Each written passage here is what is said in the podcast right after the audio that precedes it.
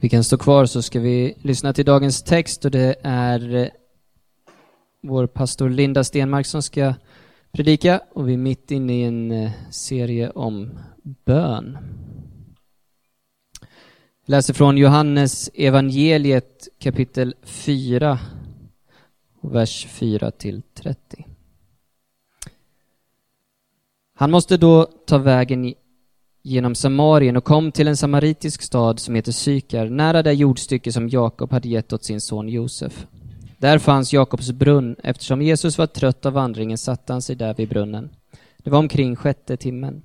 Då kom en samaritisk kvinna för att hämta vatten och Jesus sa till henne, ge mig att dricka. Hans lärjungar hade gått in i staden för att köpa mat. Den samaritiska kvinnan sa till honom, hur kan du som är jude be mig, en samaritisk kvinna, om något att dricka? Judarna umgås inte med samariterna. Jesus svarade henne, om du kände till Guds gåva och vem det är som säger det till dig, ge mig att dricka, då skulle du ha bett honom och han skulle ha gett dig levande vatten. Hon sa, Herre, inte ens en skopa har du och brunnen är djup, varifrån får du då det levande vattnet? Inte är väl du för mer än vår fader Jakob som gav oss brunnen och själv drack ur den, liksom hans söner och hans boskap. Jesus svarade henne, var och en som dricker av det här vattnet blir törstig igen, men den som dricker av det vatten jag ger honom ska aldrig någonsin törsta. Det vatten jag ger skall, skall i honom bli en källa som flödar fram och ger evigt liv.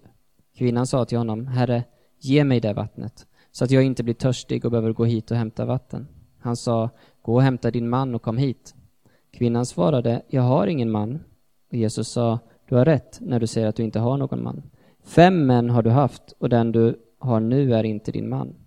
Det du sa är sant. Kvinnan sa, Herre, jag märker att du är en profet. Våra fäder har tillbett på detta berg och ni säger att den plats där man ska tillbe finns i Jerusalem. Jesus svarade, tro mig, kvinna, den tid kommer då det varken är på detta berg eller i Jerusalem som ni ska tillbe Fadern. Ni tillber vad ni inte känner, vi tillber vad vi känner, eftersom frälsningen kommer från judarna. Men den tid kommer, ja, den är redan här, då sanna tillbedjare ska tillbe Fadern i ande och sanning. Till sådana tillbedjare vill Fadern ha. Gud är ande, och de som tillber honom måste tillbe i ande och sanning. Kvinnan sa till honom, jag vet att Messias ska komma, han som kallas Kristus. När han kommer ska han förkunna allt för oss. Jesus sa till henne, det är jag, den som talar med dig. Just då kom hans lärjungar och de blev förvånade över att han talade med en kvinna, men ingen frågade vad han ville henne eller varför han talade med henne. Kvinnan lät sin kruka stå och gick in i staden och sa till folket Kom och se en man som har sagt mig allt vad jag har gjort. Han kanske är Messias. Då gick de ut ur staden och kom till honom. Detta är Guds ord till oss idag. Varsågod och sitt. Sådär. För dig som lyssnar på podden nu så kan jag bara passa på att säga att jag är lite... Jag ska inte gå in och vara ernst här och börja plantera om blommor. Men jag har med mig två växter hemifrån. Tyvärr är det så här det kan bli på Vansövägen 36, att ibland så dör blommorna ifrån mig. Jag köpte dem på Ikea. Så de har samma ursprung, samma typ planta och de har ju faktiskt bott i samma miljö. Men ser ni där borta hälsotillståndet på de här två? Hur mår de, tycker ni? Ja, visst, jättefin. Här har jag verkligen lyckats. Den här? Lite törr som fnöske helt enkelt. Om tre veckor så är den nog helt död.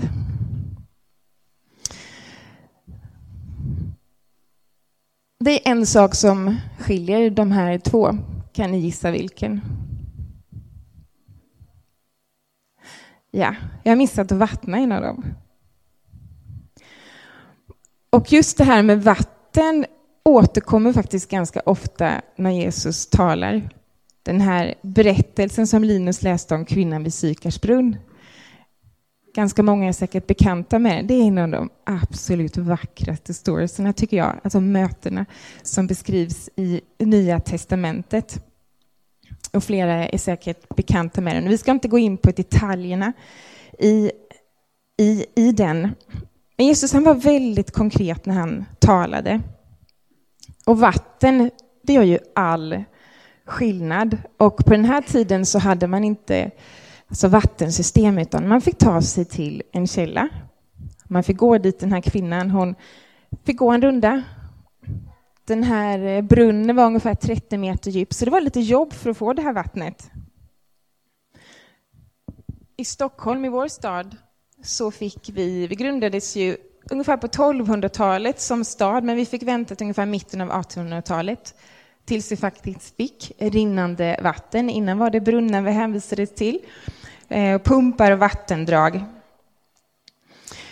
Och jag skulle vilja göra tre nedslag eh, från den här berättelsen utifrån att vi är, håller på att avsluta det här temat om bön. Vi har gått igenom massor, ni har fått så mycket bra godbitar. Vi har talat om att be och arbeta, vi har talat om bön för oss som individer, bön i församlingen, eh, vikten av uthållighet, vi har pratat om alltså en mängd olika saker, vi har fått konkreta tips. Och fortsätt lyssna på poddarna när du diskar hemma, när du är ute i joggingspåret. Så bara få marinera oss och, och påminna oss om, om detta. Eh, men jag skulle vilja zooma ut lite när vi avrundar nu kring bön. Och mina tre punkter är dels att upptäcka vår hunger. Och den andra är lämna inte källan. Och den tredje är för vems skull? Att leva kvar nära vattnet. Johannes 4.10. Jesus svarade henne, alltså den här kvinnan vid Sykarsbrunnen. Om du kände till Guds gåva och vem det är som ber dig ge mig lite att dricka, då skulle du ha bett honom och han hade gett dig levande vatten. Den här kvinnan hon hade absolut ingen aning om vem hon pratade med. Hon visste bara en sak, jag behöver vatten för att kunna laga måltiderna, för att vi ska kunna sköta hygienen, allt som är där hemma. Så hon var målmedveten, jag går dit, jag vill ha fysiskt vatten. Och när hon möter Jesus fattar hon inte alls vad han, vad han pratar om. Förrän han började förklara för henne, och förrän hon förstod, okej, okay, här snackar han om något helt annat som jag inte har någon aning om. Han börjar plötsligt sätta ord på någonting som hon inte ens visste var tillgängligt. För cirka två veckor sedan så hade vi en familj hemma på besök hos oss från London. Och jag har aldrig hört våra barn prata engelska. Kanske något ord här och där och så. Caleb och Bianca de går i tvåan och trean, så de har ju börjat lite trevande att lära sig engelska. Och plötsligt så har jag ett samtal mellan den här mamman, Sonja, eh, och Caleb. Det var något som hände, hon snubblade till och hon, hon sa ”Oh, I'm sorry”. Och så har jag Caleb ”Oh, that's okay”. Och jag bara, eh, fattade du precis vad och, och, och eh, det bara hände gång på gång. Eh, och han svarade på engelska precis som att det var det mest naturliga. Och Sonja bara, jag hade inte, du har inte berättat för mig att, att Kilo pratar engelska. Jag bara, nej, han gör inte det. Och det intressanta är, för ungefär en och en halv månad sedan så hade vi ett annat besök från en annan engelsk familj. De vet att vi har båt nu, så de tycker om att komma och hälsa på oss nu, så de får åka ut i den stockholmska skärgården. Och då var det lite mer frustration där hemma. För de här killarna som kom då, de var lite äldre, de talade mycket snabbare och hade också använde lite mer svåra ord, så Caleb hängde inte med där. Och efter den här första familjen hade varit hemma så sa Caleb så här, mamma, jag tycker vi ska börja med engelska lektioner hemma. Måndagar och lördagar, så att jag kan få lära mig prata engelska. Och någonting hade ändå hänt däremellan. Och det, och det roliga var ju att han ville leka med de här killarna eh, som var från den första familjen och han insåg att jag måste kunna kommunicera med dem. Så i det här, den frustrationen upptäckte han ett behov som han inte ens visste från början. Och det gjorde att, okej, okay, jag behöver ha det här. Han visste inte ens att det var viktigt för honom att, att, att kunna tala engelska. Men för att han ville kunna leka så insåg han, okej, okay, jag måste ha lite engelska lektioner här, mamma.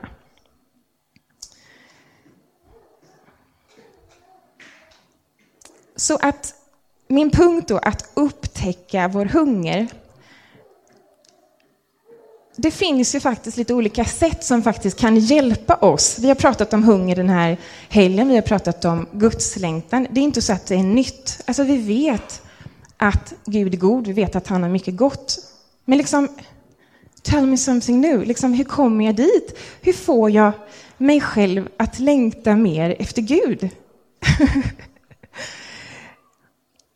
Och där tror jag att vi kan dels genom föredömen, att man har människor som kan man gnugga av sig på en som man ser, ja men dig behöver jag, du har någonting som jag faktiskt behöver. Och det kan vara så enkelt som att man börjar läsa en bok eh, om en människa. Jag, jag har läst flera böcker från människor som, som inte lever idag, men som när jag läser om deras liv så inser jag bara, wow, vad mycket det finns att få tag på.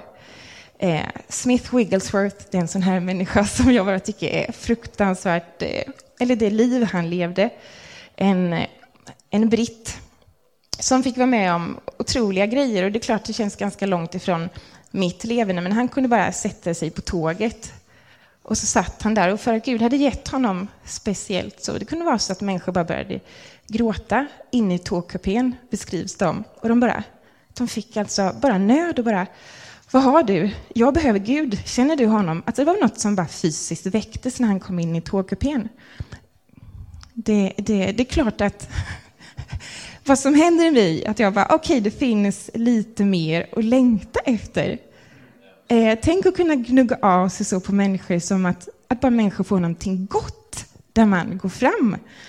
Eh, så jag tror att en viktig del är att man faktiskt är öppen för föredömen runt omkring en. Läs böcker, människor som gått före. Eh, det tror jag är ett ganska enkelt sätt att väcka en hunger eller att bara upptäcka att det finns mer. Och ett annat väldigt enkelt sätt, det är att leva nära andra människor. Vi har pratat mycket om community den här helgen. Vad som händer då är att det är helt omöjligt att, att vara immun. När, när någon människa, när man kommer nära en annan människa och man bara lyfter lite på locket och ser man, okej, okay, här har du och jag behov. Alltså det blottar sig någonting och man bara inser, man börjar känna någonting och bara okej, okay, hennes, hennes man har fått cancer. Vad händer i kroppen då? Vad händer i hjärtat? Bara, hjälp! Det här måste vi ju be om, det här, måste vi, alltså det här måste vi engagera oss i. Det händer någonting. För att vi lever inte i ett vakuum, utan vi lever nära varandra. Och vi drabbas och man inser, jag måste hem och be för det här. Vi måste bära den här familjen. Det här får inte sluta illa.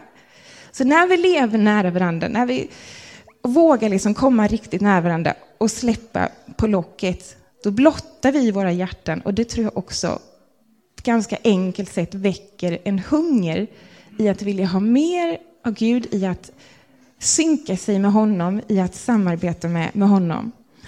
Eh, att leva i bön. Och den andra punkten, eh, lämna inte källan. När Jesus pratar om det här med vatten så pratar han ofta om en källa. Om vi tittar på Jeremia i kapitel 17 och 7 så beskriver Jeremia det så här. Välsignad är den man som förtröstar på Herren, den som har Herren till sin förtröstan. Han är som ett träd planterad vid vatten och som sträcker ut sina rötter till bäcken. Den fruktar inte om hetta kommer, dess löv är alltid gröna. Det blir inte förskräckt om ett torrt år kommer och det upphör aldrig att bära frukt.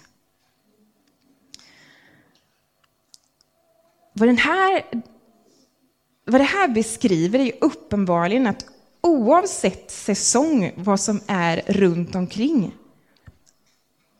så är det möjligt att inte torka ut själv.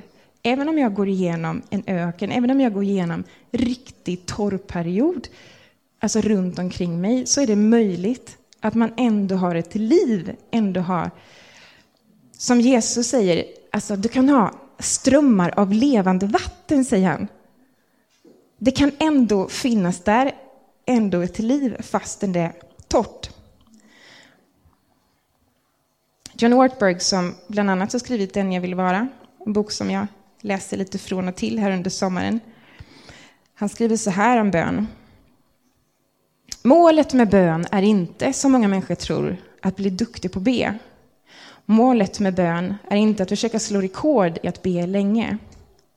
Målet med bön är att jag ska leva hela mitt liv och säga allt jag säger i lycklig vetskap om att Gud är nära. Bönen blir sann när vårt sanna jag förstår att Guds närvaro är god och verklig. Jesus var alltid medveten om sin far i sin vardag. Och när han till exempel begav sig iväg för att upptäcka Lazarus från de döda började han med att lyfta blicken mot himlen och be. I vår tid blundar de flesta när vi ber. Blundar ni?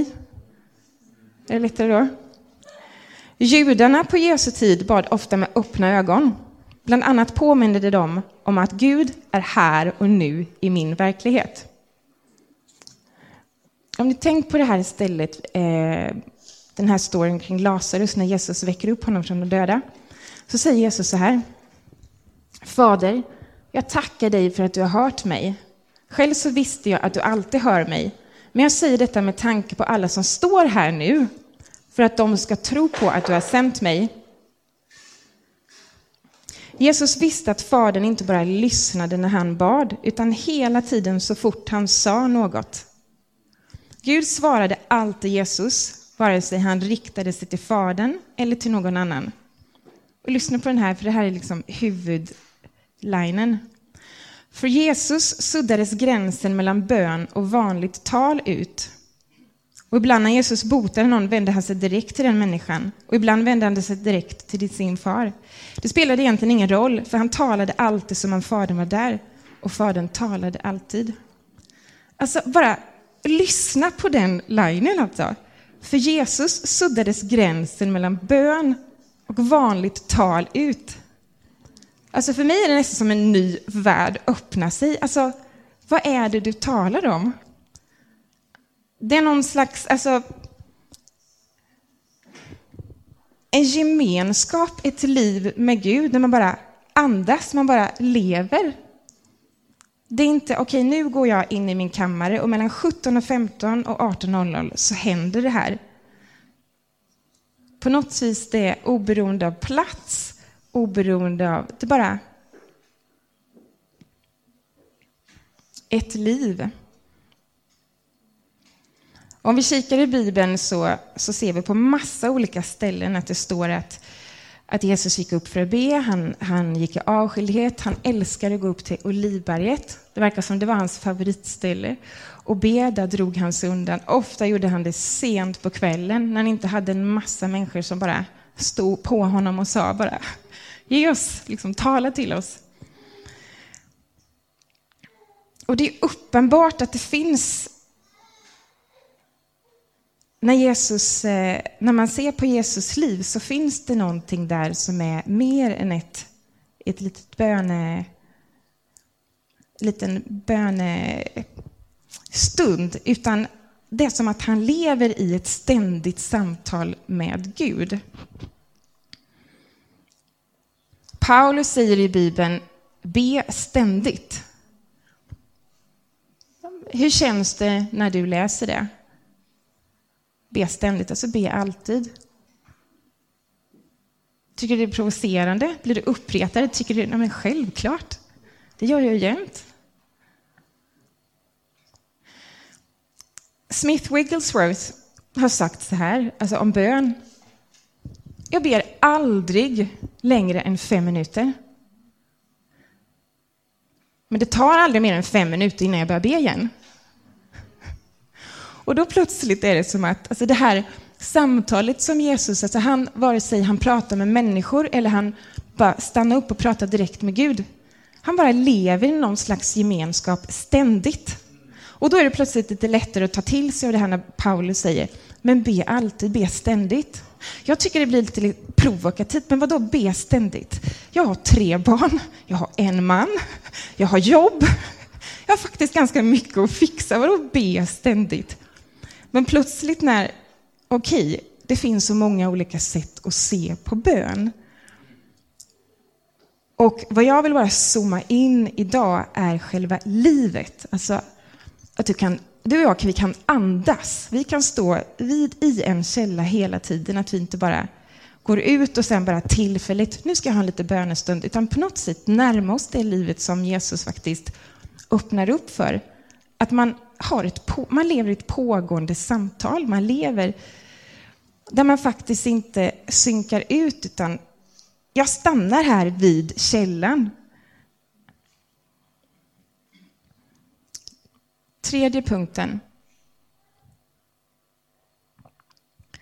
För vems skull är det då viktigt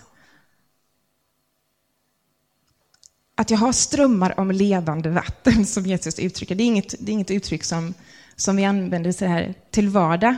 Men jag tror vi förstår begreppet av att ständigt stå ett flöde. Du är ständigt i kontakt. Det finns liksom någonting som pulserar på insidan av liv. För vems skull pratar Jesus så mycket om det här? För vems skull? Brad var inne idag och talade om Guds story. Just vikten av att vi inte bara tittar på det här lilla ögonblicket. Om vi tittar på kvinnan här vid Sykarsbrunn då. Lite om hennes bakgrund. Vi vet inte jättemycket. Men vi vet att vid klockan 12 mitt på dagen gick hon för att hämta vatten. Nästan alla andra gick på kvällen, det var lite svalare. Men hon gick 12 på dagen och förmodligen var det för att hon ville undvika annat folk. Förmodligen var det för att hon levde inte med samma goda moral som genomsnittspersonen, utan hon ville hålla sig undan. Och då fick hon ta en tid mitt på dagen när det var riktigt hett. Så varför behövde då den här kvinnan evangeliet? Varför behöver du och jag evangeliet? Varför behöver min nästa evangeliet?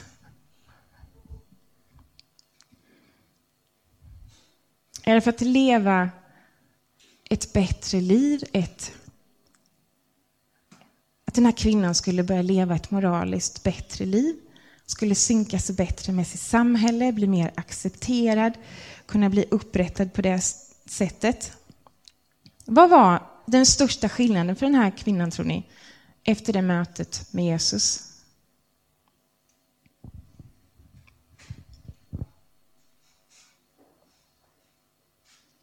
Alla är så tysta så att jag väljer att svara själv. Är det okej? Alltså det måste ju varit en fantastisk följd av att hon blev accepterad. För efter den här dagen så fick hon en acceptans och en respekt i den här staden. Det är uppenbart. Hon blev upprättad på det sättet. Hon hade förmodligen levt i ett moraliskt förfall och hon blev upprättad på något vis. Det blev en enorm bonus, en effekt av det här skiftet. Men det största skiftet, vänner, det är att den här kvinnan vid här, den här dagen, hon gick faktiskt från död till liv.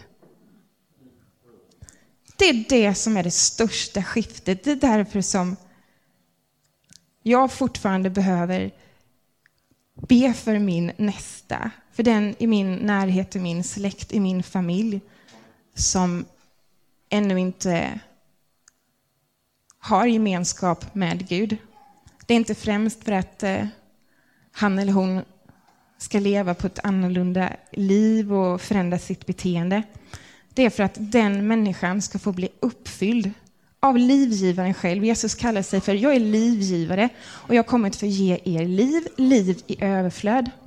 Så fattar det vänner, alltså fattar vi vad det innebär? Man kan gå från död till liv. Det, det är väldigt eh, Eh, det är väldigt tunga ord att man kan leva med död eller att man kan leva i liv. Och det är den så stora upprättelsen som Gud vill göra i vår värld. Romarbrevet 6 och 23. Syndens lön är döden, det som Brad pratade om i början, alltså fallet. Gud skapade människan, han skapade den här fantastiska skapelsen. Så sker fallet.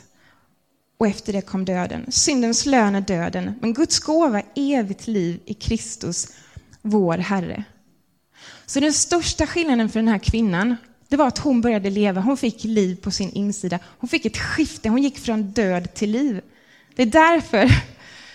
Så det är inte bara, okej, okay, hon började leva sitt liv annorlunda och det var fantastiskt. Och det kom nog många till hjälp.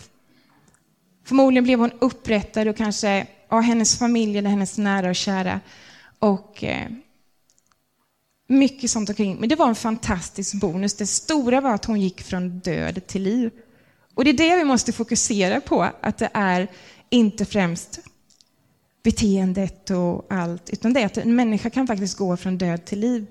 Och det, det ger mig motivation att det är, liksom, det är lite större än bara att man ska behöva leva, att man ska leva moraliskt gott.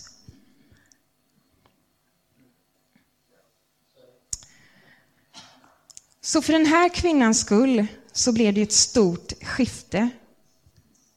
Jesus gjorde det här för hennes skull, för henne som individ, för att han ville ge henne nytt liv, evigt liv.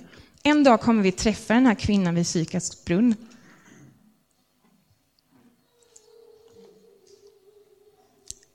Men inte bara för hennes skull. Historien slutar inte där, utan fortsätter ju där. Även för stadens skull. Om vi kikar lite längre ner i historien så står det faktiskt så här. Kom så får ni se en man som har sagt mig allt jag har gjort, säger hon. Hon tar alltså den här krukan fullt med vatten, hon, hon ställer den ner och sen springer hon tillbaka till staden. Någonting hände som gjorde att hon bara sprang tillbaka till staden. Hon som hade undvikit folket, gått dit klockan 12 för att hon skulle undvika att möta en enda människa. Plötsligt sätter hon ner vattnet som var så fruktansvärt viktigt att få. Hon springer tillbaka och har inga problem överhuvudtaget att möta folk. Hon säger, jag har mött någon som har sagt alltså, allt vad jag har gjort. Linus, du läste ju inte hela storyn, men, men Jesus börjar bara berätta precis hur hennes liv ser ut. Hennes män och hennes, eh, alltså hennes register, eh, vad hon hade sysslat med. Eh, och hon bara, okej, okay, jag eh, möter en profet här, jag möter en gudsman, det är någon som har, vet, han kanske är Messias. Så hon springer tillbaka och berättar för staden. Och vad som händer är att eh, mängder av folk följer med henne och går till brunnen där Jesus fortfarande står. Och det står att många samarier från den staden kom till tro på honom genom, genom kvinnans ord.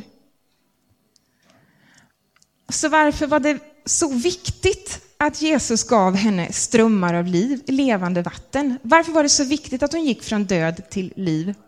Det var för hennes skull. För din och min skull. Om det var vi som hade stått där vid Sykars brunn, eller när vi helst hade det här mötet eller skiftet med, med Gud i våra liv. Men det är ju inte slutet på den storyn. Jag har fått förlåtelse för mina synder och från och med nu så vill jag gå på gudstjänst på söndagar. Jag vill vara del av en kyrka. Men det, liksom, det är inte slutet på storyn. Utan vi får ju vara med och måla den här storyn och avsluta, som Brad pratade om, i upprättelsen av hela staden.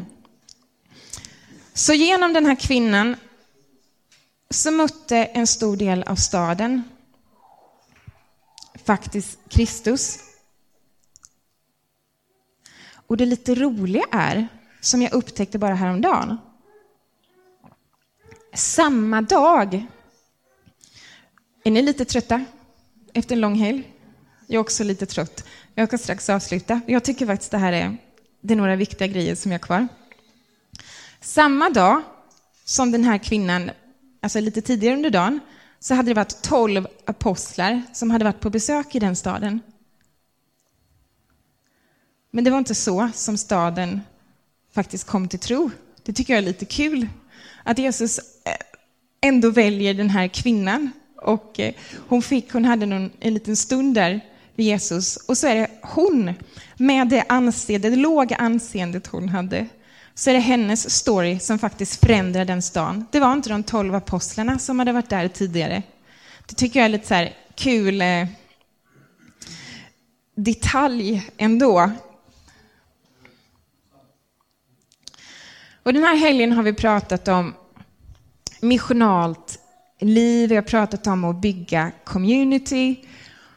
Och det är klart att det här kan man få lite träsmak i både baken och munnen när, när man inte har, liksom när man känner, men det är omöjligt.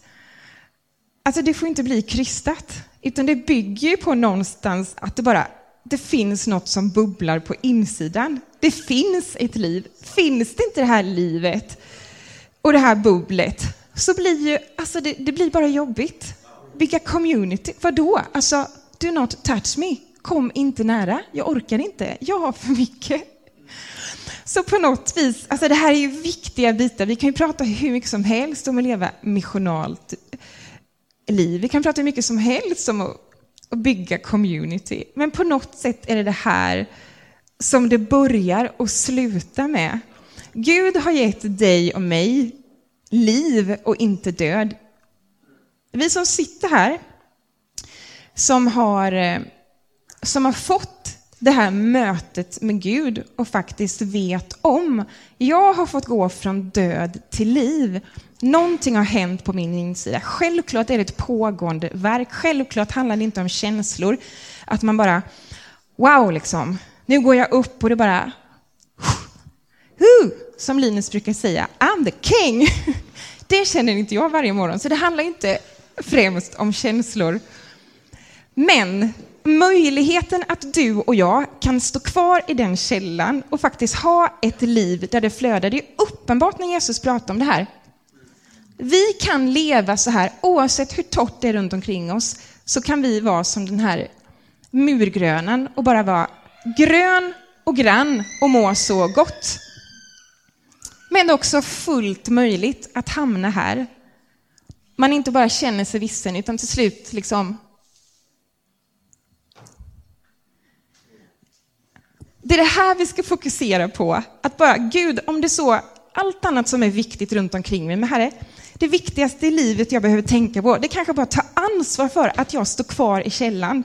Att jag är uppkopplad med dig, att jag lever i bön, att jag har gemenskap med dig, inte främst 17.15 till 18.00 på fredagar ska jag ha bön. Utan att Herre, hjälp mig att bara ha ett pågående samtal i mitt liv, att jag är synkad med dig. Nu ska jag gå in till chefen här. Gud, hjälp mig att vara bedjande nu, för det här kommer inte sluta bra om inte du är med mig. Jag går in till chefen och bara låt det vara, liksom, bli en bön här nu. Och att jag får vara switched on på något vis, att jag får räkna med honom. När du går in där och har ett otroligt viktigt möte, då bara, okej okay, Gud, nu måste du vara med. Inte ikväll när jag ska träffa min connect, utan det är nu det gäller. Liksom. Det är nu som det hettar till. Och att vi synkar oss med honom, att vi räknar med att det är i vår vardag. För är det inte vardagen, liksom, vad är det då?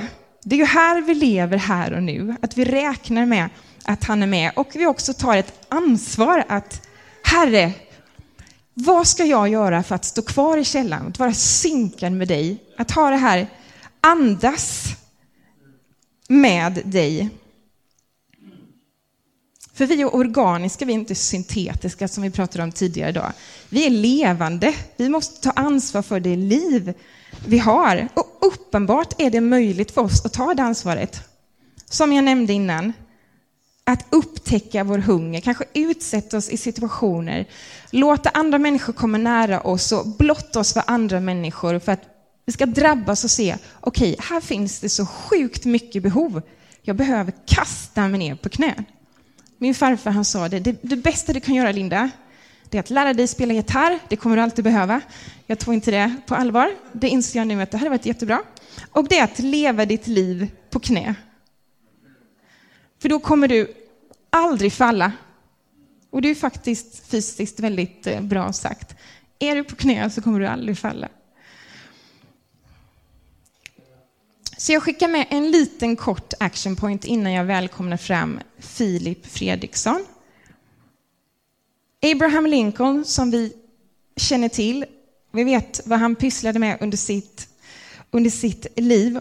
Han, säger, han sa så här, jag har många gånger tvingats ner på knä i den överväldigande vetskapen om att jag inte haft någon annanstans att ta vägen.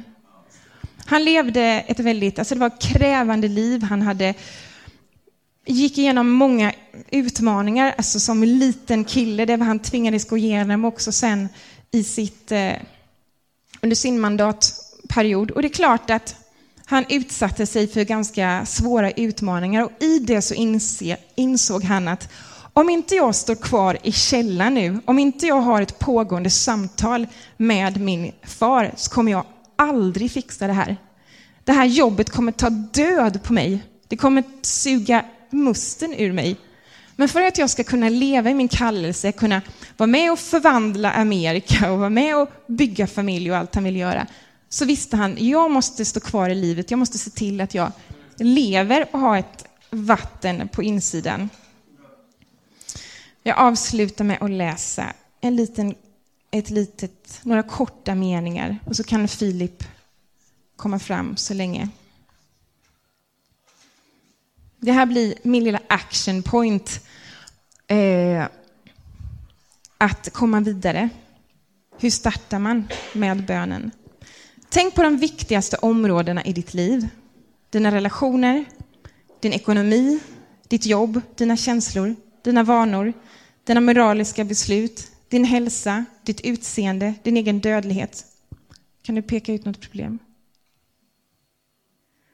Om du kan det, då har du en utmärkt anledning att be. En av våra villfarelser är att oron kommer sig av att vi har problem. Vi tror att vi skulle sluta oroa oss om vi inte hade några problem längre. Den goda nyheten är att dina problem kommer att försvinna. Den dåliga nyheten är att det kommer inte inträffa förrän du dör. Du kommer att häpna när du får se att dina problem faktiskt slutar att ställa till det för dig. Men fram tills dess kommer livet att vara fullt av problem. Och han pratar om, Eh, han avslutar så här, hur det än blir med det så kommer Gud att använda dina problem för att göra dig till en bättre människa. Så oavsett vad vi går igenom, oavsett utmaningar, låt oss se det som en möjlighet. Vänd om, okej okay, Gud, jag ser det så här som en möjlighet faktiskt för mig att komma närmare dig, för nu behöver jag dig, för det är helt omöjligt för mig att bara få ihop det här själv. Och faktiskt kunna bli en bättre människa på vägen, oavsett problem.